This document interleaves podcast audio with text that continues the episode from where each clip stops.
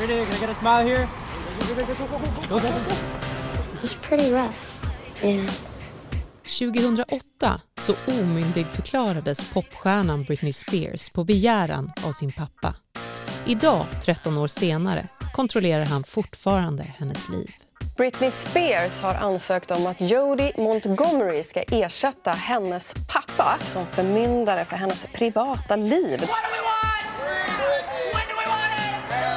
På en kvart berättar vi om hur en av världens mest framgångsrika artister förlorade makten över sitt imperium, sitt privatliv och om rättsprocessen hon nu driver för att bli fri.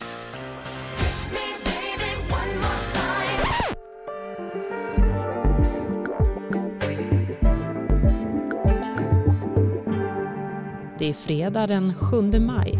Jag heter Karin Bülow Orje och du lyssnar till dagens story från Svenska Dagbladet.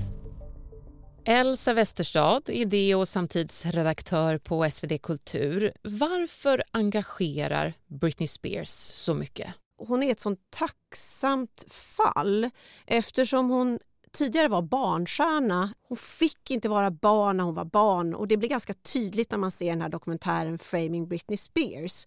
Hur hon väldigt, väldigt tidigt i ung ålder blev drillad och kanske själv också ville, det vet jag inte, att hela tiden uppträda. Hon var med i olika talangjakter, hon började sjunga när hon gick på dagis. Ja, det började väldigt, väldigt tidigt och hon, liksom, ja, hon blev ju då liksom ivägskickad ska jag inte säga, men hon började uppträda i New York. Hon kommer från en liten håla i Louisiana. Och så, så det var ganska liksom, stor press på henne. Eh, och, och, då fick hon inte vara barn och nu så, nej, nu ska hon inte heller få bestämma vad fan hon gör med sitt liv för att hon har då Jamie Spears, pappan, som ett slags nästan nanny from hell. Så jag tror att det handlar väldigt mycket om det, att vi ser den här orättvisan. Och så är hon ju någon som många känner till och eh, har en relation till. Hur stor var Britney Spears när hon var som mest framgångsrik? Hon var helt enorm när hon slog igenom. Det var som att världen stannade när den där låten Baby One More Time kom 98. Female artist of the year would be Britney Spears. Britney Spears is also Billboard's New Artist of the Year, Female Singles Artist of the Year, and Female Albums Artist of the Year. Den liksom fullständigt tuggade sönder alla radioapparater och det var också en tid när MTV var väldigt stort, så den här videon i skolmiljö, lite kysk men ändå sexig, den slog igenom enormt stort.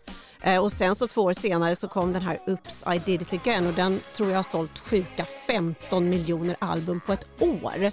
Så man förstår ju hur stor hon var. Hon var ju också större än musiken. Hon var ju ett populärkulturellt fenomen. Hon påverkade en hel generation flickor och pojkar också skulle jag säga. Den här New York Times-dokumentären eh, Framing Britney Spears, eh, där skildras ju hon som något av en feministisk ikon som typ var missförstådd av sin tid.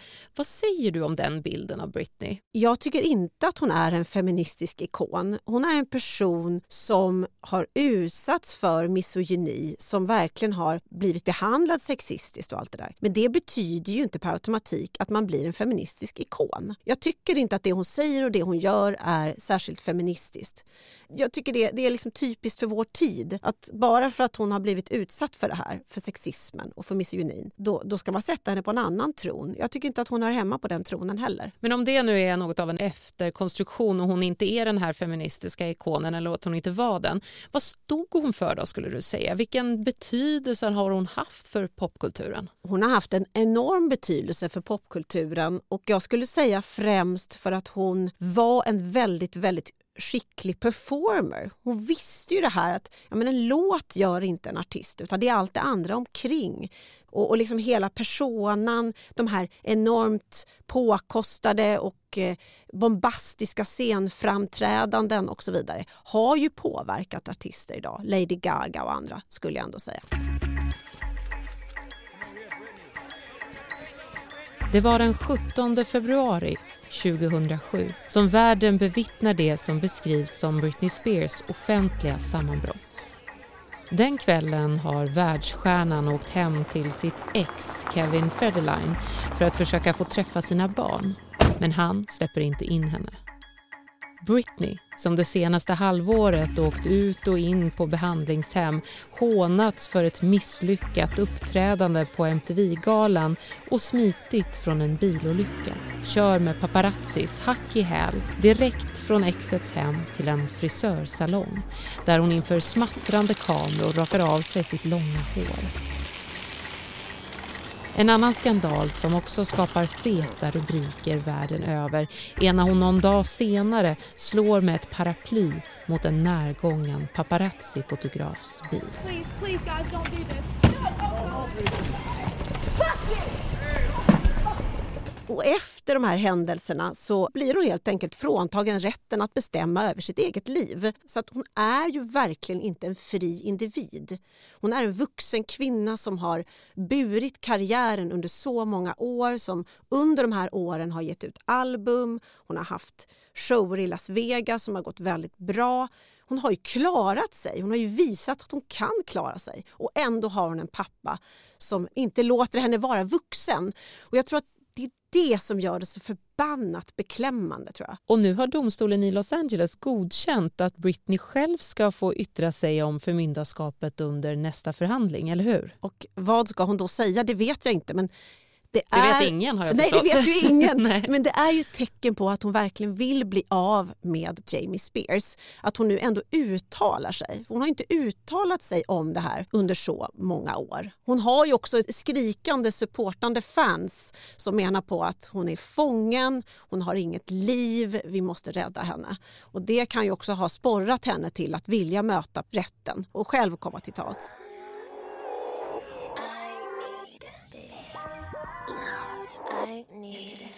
Me.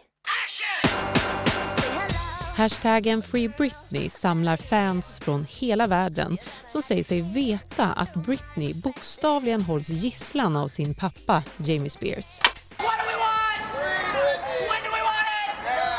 Loud and with Free Britney signs in hand, fans marched outside the Stanley Moss courthouse today. Rörelsen har funnits sedan 2009 men har knappt tagits på allvar förrän nu efter den här uppmärksammade New York Times-dokumentären som bland annat skildrar hur Britney kunnat uppträda, medverka i stora tv-shower och driva sin karriär vidare trots att hon juridiskt anses vara oförmögen att ta hand om sig själv. Britneys pappa har avfärdat Free Britney-rörelsen som konspiratorisk och via sin advokat har han sagt att han inget hellre vill än att förmyndarskapet inte ska behövas. Samtidigt så vägrar han frivilligt att lämna över uppdraget som förvaltare till den gode man, Jodie Montgomery, som Britney vill ska axla rollen. Och hon försöker ju aktivt då bli av med pappan men inte själva förmyndarskapet i sig. Varför har hon inte ansökt om det tror du? Alltså det kan ju vara så att hon själv känner att hon inte är kapabel att bestämma över till exempel finansiella bitar och, och, den typen av frågor. Eller så kan det också vara så att hon är så rädd för att hon utan förmyndare kommer att vara mer utsatt för att bli fråntagen barnen.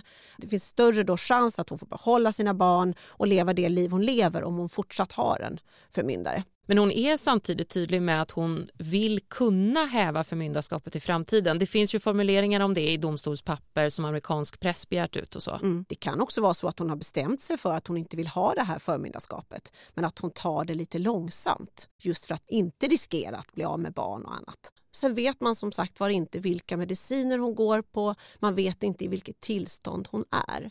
Man vet inte om hon tillåts vara sig själv. Och hade hon varit sig själv, vad hade hon då känt och tyckt? Det vet vi inte. You guys, there's a new update on Britney Spears and I'm freaked out! Den enda riktiga inblicken allmänheten har i Britney Spears liv numera är hennes eget Instagramkonto. Och det har blivit en källa till spekulationer in absurdum på sociala medier. Okay, so yesterday I felt like it was the beginning of fall. I pulled out all of my jackets and then the next day it was really hot. Free Britney-rörelsens mest hängivna medlemmar påstår att hon i sina poster sänder ut dolda budskap och rop på hjälp. En gul tröja, ros emojis och Britneys tonläge, ja allt tolkas och analyseras. Let's just do like a little quick analysis here. First of all, the constant swaying is a coping mechanism, usually used with um, anxiety. People are trying to say that there's a message in the hat, and that definitely looks like there's something written there. Do I think Britney's in danger? Absolutely. Men vad är det egentligen man ser i hennes flöde? Jo, video efter video där hon dansar i sitt vardagsrum, pratar om bantning, gör yoga, umgås med sin kille. Till synes så verkar hon också jobba på sitt själsliga jag och säger att hon försöker hitta normaliteten utanför rampljuset och att hon mår bra. Hi guys, just checking in with all of you who are concerned about me. All is well. Next question is Am I okay? Yes, I'm totally fine. Men hur mycket av hennes offentliga breakdown, som det kallas, hur mycket av det var verkligen ett breakdown? Jag tycker att det är väldigt mycket en mediakonstruktion. Alltså, dels har ju medierna en roll att spela i det här sammanbrottet som hon fick. Hon var ständigt jagad i de mest intima situationer. Det här är en ung kvinna som precis har fått två barn. Hon har träffat ett pucko till man. Och att ha de här fotograferna efter sig i en sån känslig situation i livet vem skulle inte plocka fram det där paraplyet? Det är också en rimlig reaktion att hon går in och ber att få håret avrakat. Britney blev ju liksom på något vis aldrig tagen på allvar. Man sexualiserade henne. Nu ville hon bort från det. Hon ville liksom bara slå sig fri. Då måste man förbli riktigt, riktigt vidrig. Nu ska jag äga mitt liv. Liksom. Fullt rimligt. Fullt rimligt. Och det är det som är så sorgligt. Och jag tror att engagemanget för Britney handlar också om det. Jag tror världen har dåligt samvete över hur illa man har har behandlat henne under åren. Vi älskar att rädda personer oavsett om de vill det eller inte. Men om vi ser till hennes förmågor då. Hon har ju uppträtt, hon har haft eh, väldigt kreddiga showkontrakt i eh, Las Vegas under tiden som hon har varit under förmyndarskap.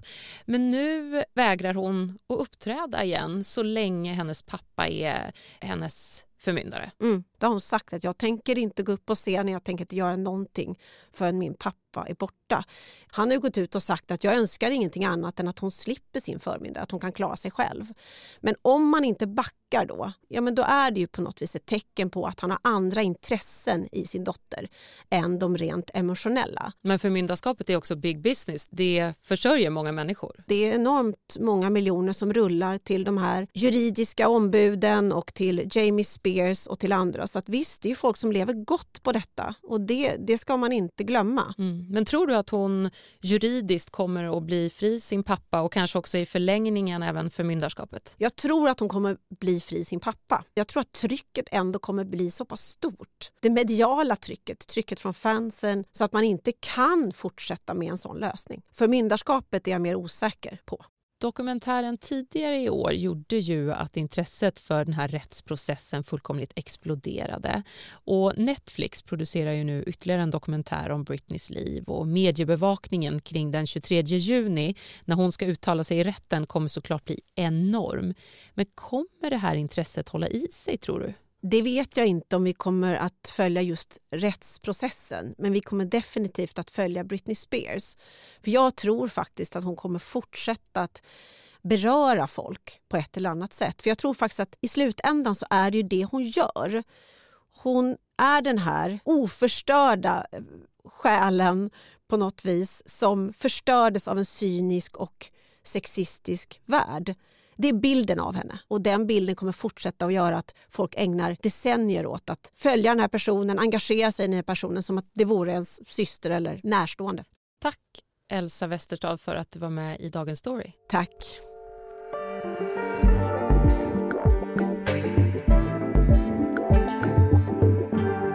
Producent för det här avsnittet var Siri Hill, redaktör Maria Gelmini och jag heter Karin Bülow Orje.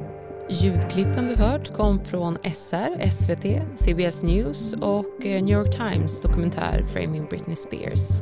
Vi hörde också bitar ur Britney Spears låtar Overprotected, Showdown, Oops I did it again och Baby one more time. Dagens story från Svenska Dagbladet. Ett ämne, en kvart, varje vardag.